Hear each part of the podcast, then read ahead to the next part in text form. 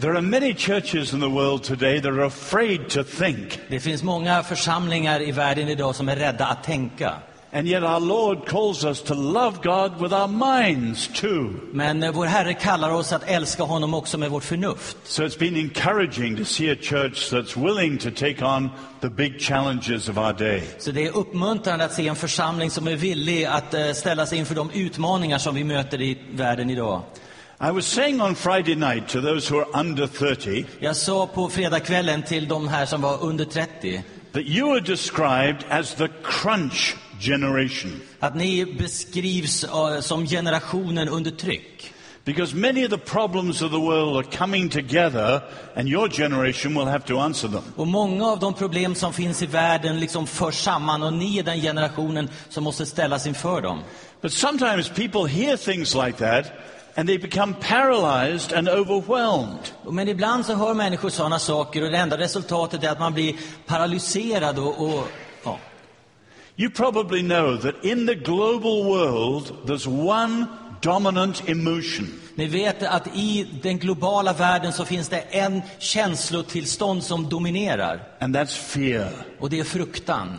The world is too big, Världen är för stor and the world is changing so fast. och världen förändras så snabbt. We see everything as it happens. Vi ser allt hända framför våra ögon. Someone has said the whole world is now interconnected and nobody's in charge. Någon har sagt att hela världen är nu sammankopplad och det är ingen som har kommandot. Now, there's a lot in Scripture about generations Det finns mycket i skriften om generationer and the whole sense of time och om känslan av tid. the hour, the day, the generation. Timmen, dagen, generationen. And we have positive examples and we have negative Och examples. vi har positiva exempel och vi har negativa exempel. In the Old Testament, for example, we have the men of David who were skilled in reading the signs of the I times. Gamla Testamentet har vi Davids hjältar eller Davids män som var skickliga på att läsa tidens tecken. We have negative examples in the Old Testament. Och i Gamla Testamentet har vi negativa exempel. The prophet Jeremiah taunts the Pharaoh of his day Eh, Och Jeremia, han, han s- är kritisk för faraon på, på, på den tiden. He calls him King Bombast or King Hot Air, the man who missed his moment. Han kallar honom för kung Bombastica, mannen som bara har luft i sitt tänkande. In the New Testament, most of the examples are negative I Nya Testamentet är de flesta exemplen negativa. because they concern the way that the disciples and Jesus' generation simply did not understand him. För de betonar hur de som levde på Jesus och lärjungarnas tid helt enkelt inte förstod honom och You, sin tid. remem- you remember our Lord weeping over Jerusalem, Ni kommer ihåg hur vår Herre grät över Jerusalem. all because you missed God's moment when it came. Allt för att ni har missat den tiden, det ögonblicket då han kom. But I want you to look at a wonderful little positive example from the New Men Testament. jag vill att ni ska titta på ett underbart litet positivt exempel från Nya Testamentet. It- It's one of those little verses which many people don't notice. Det är en av de där små verserna som det är så lätt att gå förbi. In Acts 13, it says about King David I Apostlagärningarna 13 så står det om kung David. David, after he served God's purpose in his own generation, fell asleep. David, som på sin tid tjänat Guds vilja, insomnade och förenades med sina fäder. It's a little throwaway line in the middle of Paul's long sermon. Det är en liten sådär instucken mening i Paulus långa predikan. Now, there's a lot of interesting things in this chapter. Det finns mycket intressant i det här kapitlet. For example, you have a clue to the leaders who were in the church. Det finns eh, en del insiktsfulla saker om ledarna i församlingen. They describe the elders in Antioch, De han beskriver äldstebröderna i Antiochia. and one of them is a man called Manaen, Oh, who is a boyhood friend of King Herod. Och en av dem är, är en som har varit eh, vän från barnsben med kung Herodes. Or this is the chapter where Saul becomes Paul. Och det här är det kapitlet när Saulus blir Paulus. He starts as Saul, and then sometimes he's both, and by the end of the chapter, he's only Paul. Och, och han börjar att vara Saulus och sen så händer någonting mitt i och i slutet är han bara Paulus.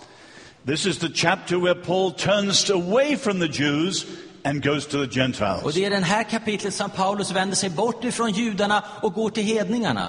But the heart of the chapter is a sermon in the synagogue. Men hjärtat i kapitlet, det är en predikan som han höll i synagogan. And Paul gives this great magisterial survey of the Jewish people. Och, och Paulus ger den här fantastiska översikten av eh, Israels folk. And the climax is a contrast between King David and Jesus, King David's greater son. Och klimax, det är liksom kontrasten mellan kung David och Jesus som är Guds stora kung. He makes the point that David died and Jesus died. Och han säger David dog och Jesus dog. And we need to say that, unlike our Muslim friends, Jesus died. It wasn't someone else who died for him. Och vi måste säga så, det till skillnad från hur våra muslimska vänner gör. Jesus dog, det var inte någon annan som dog i hans ställe. But Paul's contrast is that David died and stayed dead. Men Paulus kontrast till den här, det är att David dog och han förblev död. Jesus died and rose again. Men Jesus dog och han uppstod igen. And as he says that, he makes this little throwaway line about David. Och när han säger det så slänger han in den här lilla meningen om David. It's a very simple verse. Det är en väldigt enkel vers. I'm not a theologian. Jag är inte en teolog. You don't need to be a theologian to understand this verse. Du behöver inte vara teolog för att förstå den här versen. You don't need Greek, Hebrew, or anything complicated. Du behöver inte kunna grekiska eller hebreiska eller något komplicerat alls. In English, I imagine in Swedish too, it's very, very simple words. I engelska och jag tror också på svenska så är det en enkel vers. But when you put what Paul is saying together, Men när du tar det som Paulus säger och sammanför det it's very profound and it's challenging to us today in our generation. så är det utmanande för oss i vår generation. And the challenge to us is how do we become like David and serve God's purposes in our generation today? Och utmaningen till oss är hur vi blir vi som David och tjänar Guds syften i vår generation. Think of four things here. Tänk på fyra saker här. First, there's a surprising tribute to David. För det första så är det en överraskande upplyftande av David. When you write, the power of a sentence is in the verb. När du skriver så är kraften i en mening, det finns i verbet. Many people make colorful adjectives, but they don't add very much. Man, många stoppar in eh, väldigt eh, färgstarka adjektiv, men de lägger inte till så mycket. Now, what verbs would you have used about David? Nå, vilka verb skulle du ha använt om du beskrev David? If you have Jewish friends, you know that David is second only to Moses as a Jewish hero. Och om du hade, har judiska vänner så vet du att, att det är bara Mose som i deras ögon är större än David. He is greater than Joshua, greater than Samuel, greater than the judges, and greater than the prophets. Han är större än Josua och större än profeterna och större än domarna. Think of all the things David was Tänk på allt det som David var. The teenage giant killer, Han var den eh, tonåringen som dödade jättar. the rebel warrior chieftain, Och han var re rebellledaren. the royal warrior king, Och han var kung, den konungsliga eh, eh, ledaren. the founder of Israel's great dynasty. Och det var han som grundade Israels stora dynasti. And of course, he's also the sweet singer of Israel, and we still love his poetry today. Och han är också den som skrev alla slagdängorna som man hade i Israel och vi älskar dem fortfarande idag.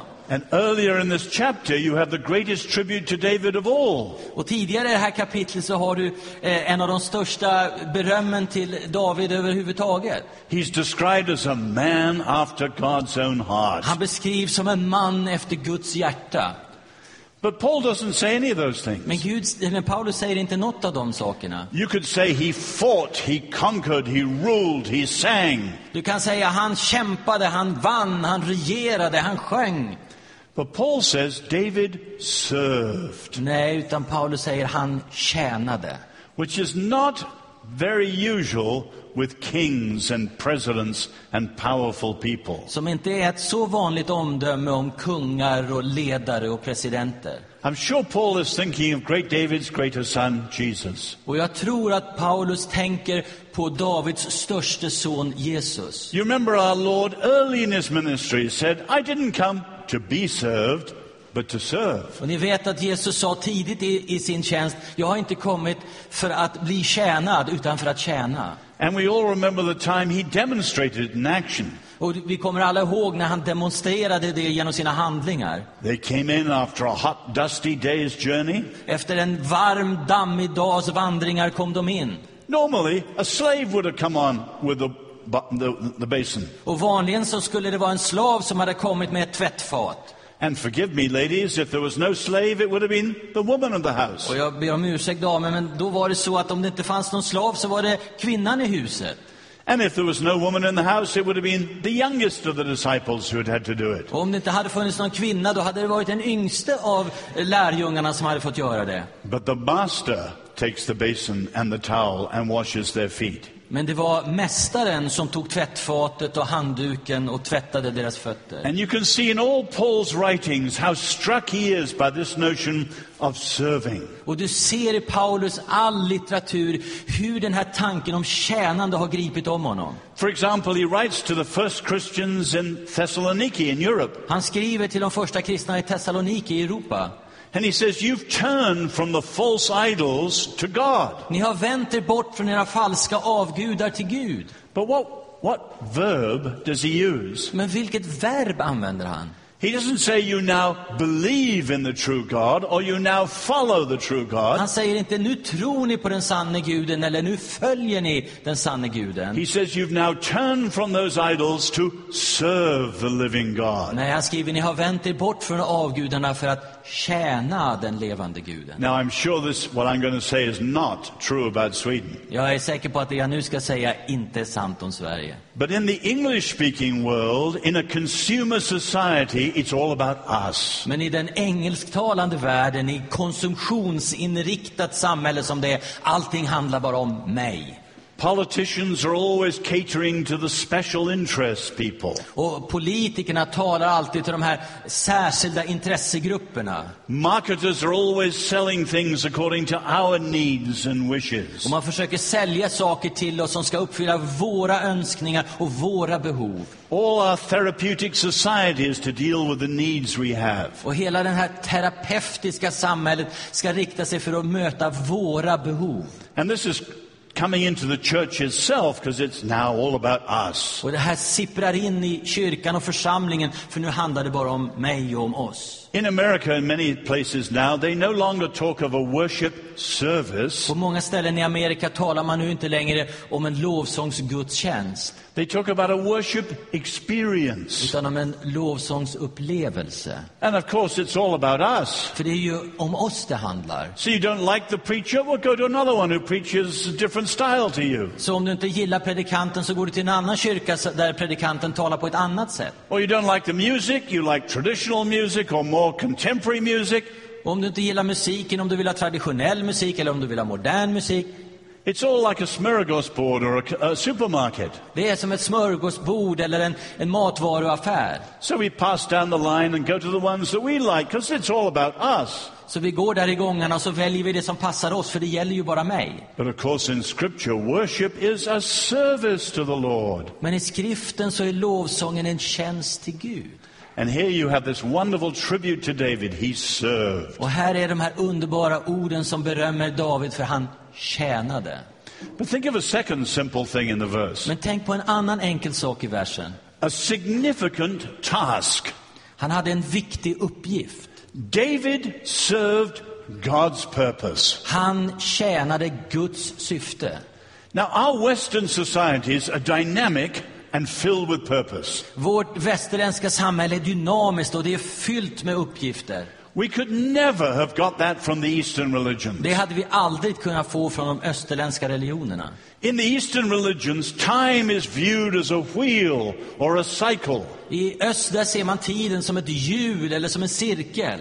It goes round and round and round and goes nowhere. Det går runt och runt och runt men det kommer ingenstans. One writer, as you know, has talked about the unbearable lightness of, me- of being. En ehm, författare har talat om varandets olidliga lätthet. You wouldn't get any purpose either out of an atheistic worldview. Och inte heller ur en ateistisk världsbild får du någon mening. We're living in a universe without any meaning, finally. Därför att universum i sin helhet har slutligen ingen mening. As Shakespeare said, it's a tale told by an idiot. Det är som Shakespeare säger, det är en berättelse som är berättad av en galning. Sound and fury signifying nothing. Och det är ljud och engagemang som inte betyder någonting. But our Western sense of history and agency and purpose comes from the scriptures. Men vår västerländska känsla för historia och, och uppdrag och betydelse, det kommer från skriften. Because the Lord has purpose in history. Därför Herren har gett historien mening. And He's made us in His image able to act into history. Och han har gjort oss som skapade till hans avbild, gett oss möjligheten att handla i historien. So nothing is more meaningful than to serve God's Så det purpose. finns ingenting som är mer meningsfullt än att tjäna Guds vilja. Now, this is our individual equivalent of God's creation of the universe. Det här är det som vi individuellt kan göra som skulle kunna liknas vid Guds skapande av universum. The Lord says, Let there be light. Gud sa, var det ljus? And a whole cosmos of meaning comes into being Och ett helt kosmos fyllt av mening blir till. with design and information and purpose. Och det finns information och struktur och mening. But in the same way, Jesus says, Follow me. Men på samma sätt så säger Jesus, följ mig. And as we rise to follow him in our callings, we enter into God's purpose for our Och lives. när vi reser oss upp och följer Guds kallelse, då kommer vi att uppfatta och se Guds mening med våra liv. But that purpose is not just all about us. Calling is not about us alone. Men den kallelsen gäller inte bara oss, oss själva. It's about us serving his deeper, higher purpose. Utan det är vi som tjänar hans högre, djupare syften. Now, it would be very easy if it was just about us for that to lead to pride and arrogance. För om det hade bara gällt oss så skulle det varit så lätt att det ledde till stolthet och arrogans. But of course, it's God's purpose, it's not about us. Men, men, men det är Guds syften, inte våra. Now, you see a third thing in this verse Men du ser en tredje sak i den här versen. A specific time. En speciell tid. You may say that's obvious. What other time could you serve God than in your own generation? Men det är väl uppenbart, tänker du, för vilken annan tid skulle du kunna tjäna Gud än nu den tid som du har? But actually, if you think, many people don't have that sense of serving God's purpose. Men om du tänker på det, det finns många som inte har den där känslan av att tjäna Guds vilja. As I said at the beginning, many people are overwhelmed by the bigness of it all. De många människor, som jag sa i inledningen, är överväldigade av storheten om det man ställs inför. And I think there's two ways in which our lives can have a purpose and a focus. Och jag tror att det finns två olika sätt på vilket vårt liv kan ha ett syfte och, ett, och en, en, ett fokus. Have you ever thought of your calling as a target? Har du någon gång tänkt på din kallelse som en måltavla? You know, in the target, the center is the bullseye Och du in vet, black. du vet att på en måltavla som mitten kallar man för bullseye, fullträffen. And then you have concentric circles coming out from the bullseye. Och sen blir det cirklar större och större som kommer utanför fullträffen. In the same way, we all live somewhere. We have a bullseye in our lives. Och på samma sätt så lever vi alla på det sättet. Vi har ett bullseye, en fullträff i vårt liv. Most of you, it's Göteborg. Och för de flesta av er är det Göteborg. And many of us are not here, living here, but we're glad to be here this weekend. Många kanske inte bor här, men är glada att vara här den här helgen. We can live somewhere, but we can have circles of influence that go wider. Vi kan leva någonstans, men vi kan ha cirklar som sträcker sig vidare ut. We can travel, we can give, we can vote, Vi kan resa, vi kan ge, vi kan rösta, we can email, vi kan mejla, we can do all sorts of vi things. kan göra alla möjliga saker. And the widest thing we can do is pray. Och det mest utsträckta, vid- mest som vi kan göra, det är att be. You can pray for countries you've never been to. Du kan be för länder där du aldrig har varit. You can pray for people you'll never meet. Du kan be för människor du aldrig har mött. But here's the point at our widest, our circles are limited. Men det här är idén att de här cirklarna, de är till slut begränsade. Thank God. Tack gode Gud. The reason we can sleep tonight is we're not responsible for the whole world. Skälet att vi kan sova gott ikväll, det är att vi inte bär ansvaret för hela världen. We're responsible for our gifts, our callings, and our circles of influence, and they're limited. Och, utan vi är ansvariga för vår kallelse och våra möjligheter och våra cirklar, men de är begränsade. And clearly, here, the second focus is Paul served God in his generation. Och här är fokuset i, i den här texten att David tjänade Gud i sin generation. Now, the word generation's been changed a lot in the last generation. Ja, ordet generation har fått nya innebörder under den senare tiden. When Jesus uses the word, Now, he's talk, talking about all those who are alive together at a certain time on the earth. När Jesus talar om det så menar han alla de som lever på jorden tillsammans vid en viss tidpunkt. In Luke 11, Jesus uses the word six times. I, I Lukas 11 använder Jesus ordet sex gånger. This generation, this generation is responsible for it all. Den här generationen, den här generationen är ansvarig för det alltihopa. But you can see today that generations are getting shorter and shorter and shorter. Men du ser idag att generationer, de blir snävare och snävare och snävare. Soon, everyone born on the same day will be the same generation. Och snart är det så att alla som har fötts på en enda dag, det är en egen generation. But obviously, the biblical idea is much bigger than that. Men den bibliska tanken är mycket större än så. Now, that of course assumes that we understand our generation. Men det innebär, det antar att vi förstår vår generation. And I would say to you, do you look around today, Sweden, Europe, the world, Ser du dig runt idag, Sverige, Europa, världen, and you know the opportunities for the gospel, you know the challenges today. och du vet möjligheterna för evangeliet och du vet de utmaningar vi ställs inför. And in the light of the big picture, we know that we're doing our small part. Och i ljuset av den stora bilden så vet vi att vi gör vår lilla del. David served God in his own generation. David tjänade Guds vilja i sin generation.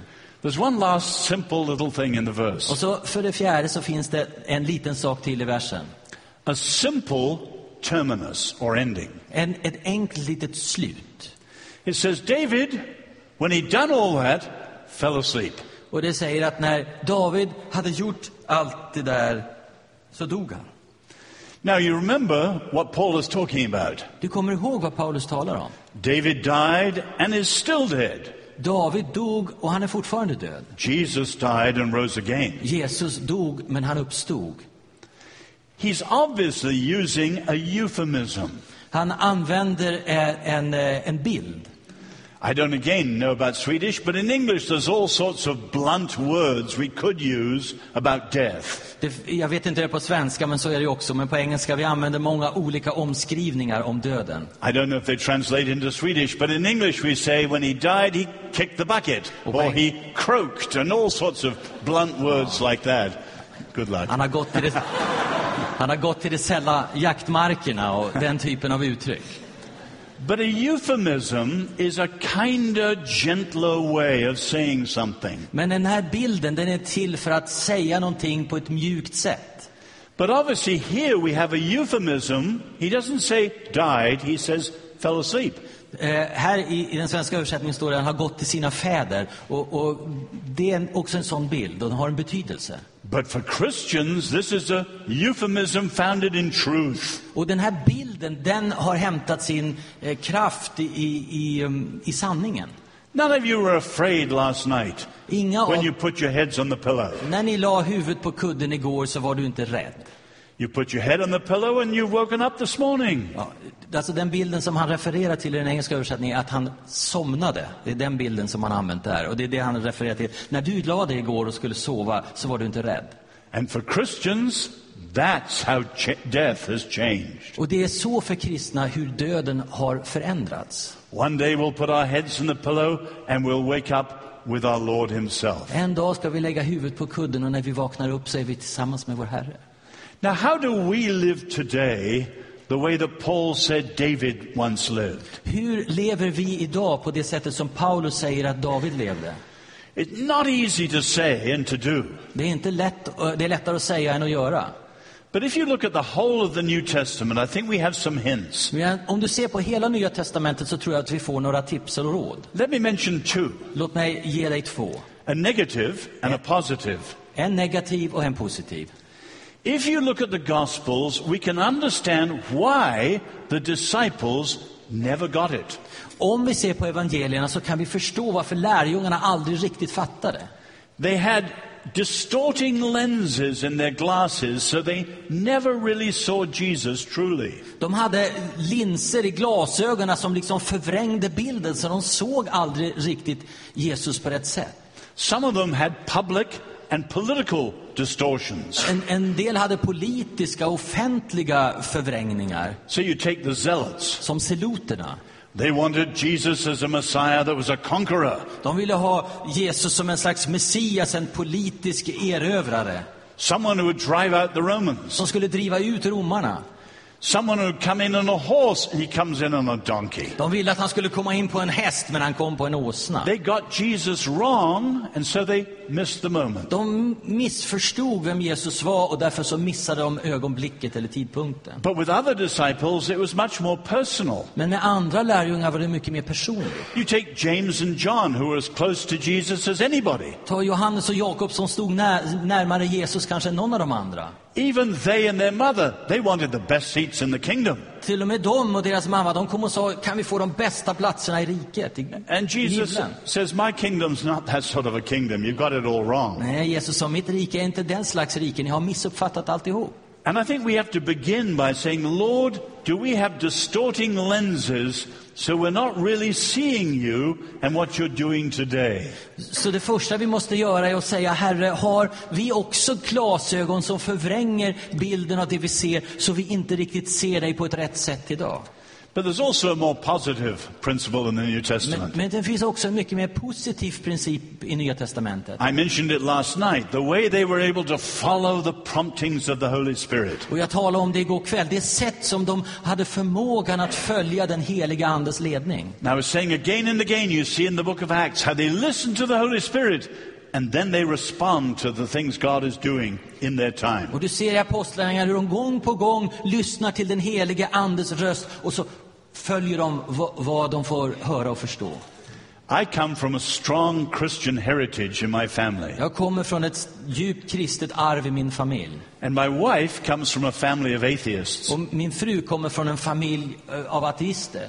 But I have to be ashamed how much more attuned and sensitive my wife is to the Holy Spirit than I am. Men jag måste skämmas när jag ser hur mycket mer min fru är känslig inför Andens maningar än vad jag själv är. And I think if we're honest, many of us in the Western world are more secular than we realize. Och jag tror om vi ska vara ärliga så är det att många av oss i västvärlden är mycket mer världsliga eller sekulariserade än vad vi inser. And we read all these things about the guidance of the Spirit or the power of the Spirit, and they're just words to us. Och vi läser om Andens ledning och Andens kraft, men det är mest ord för oss. And we need to recover that moment by moment listening to the Holy Spirit. Och vi måste återvinna det där att kunna lyssna på Andens röst, ögonblick för ögonblick. But sometime this week, just spend a few minutes with the Lord. Att någon gång den här veckan eh, ägna en liten stund tillsammans med Herren. Ask yourself if you're able to think globally and understand some of the challenges and opportunities of our world. Ställ frågan till dig själv, kan jag tänka globalt och kan jag förstå några av de utmaningar som vi står inför i den här världen? And then think of your life Och så tänk på ditt liv and your gifts and your resources and your circles of influence. och dina gåvor och dina resurser och den, det inflytande som din, ditt kontaktnät kan ge. And then ask yourself how you are serving God's purpose in your way in this generation. Och ställ frågan till dig själv, hur tjänar du Guds vilja i din generation? Imagine the difference in the world if all the followers of Jesus were serving God's purpose in this generation. Tänk vilken skillnad, tänk på det, vilken skillnad i världen det skulle göra om alla Jesu efterföljare tjänade Guds vilja i sin generation i världen. Thank you and God bless you. Tack ska ni ha och Gud välsigne er.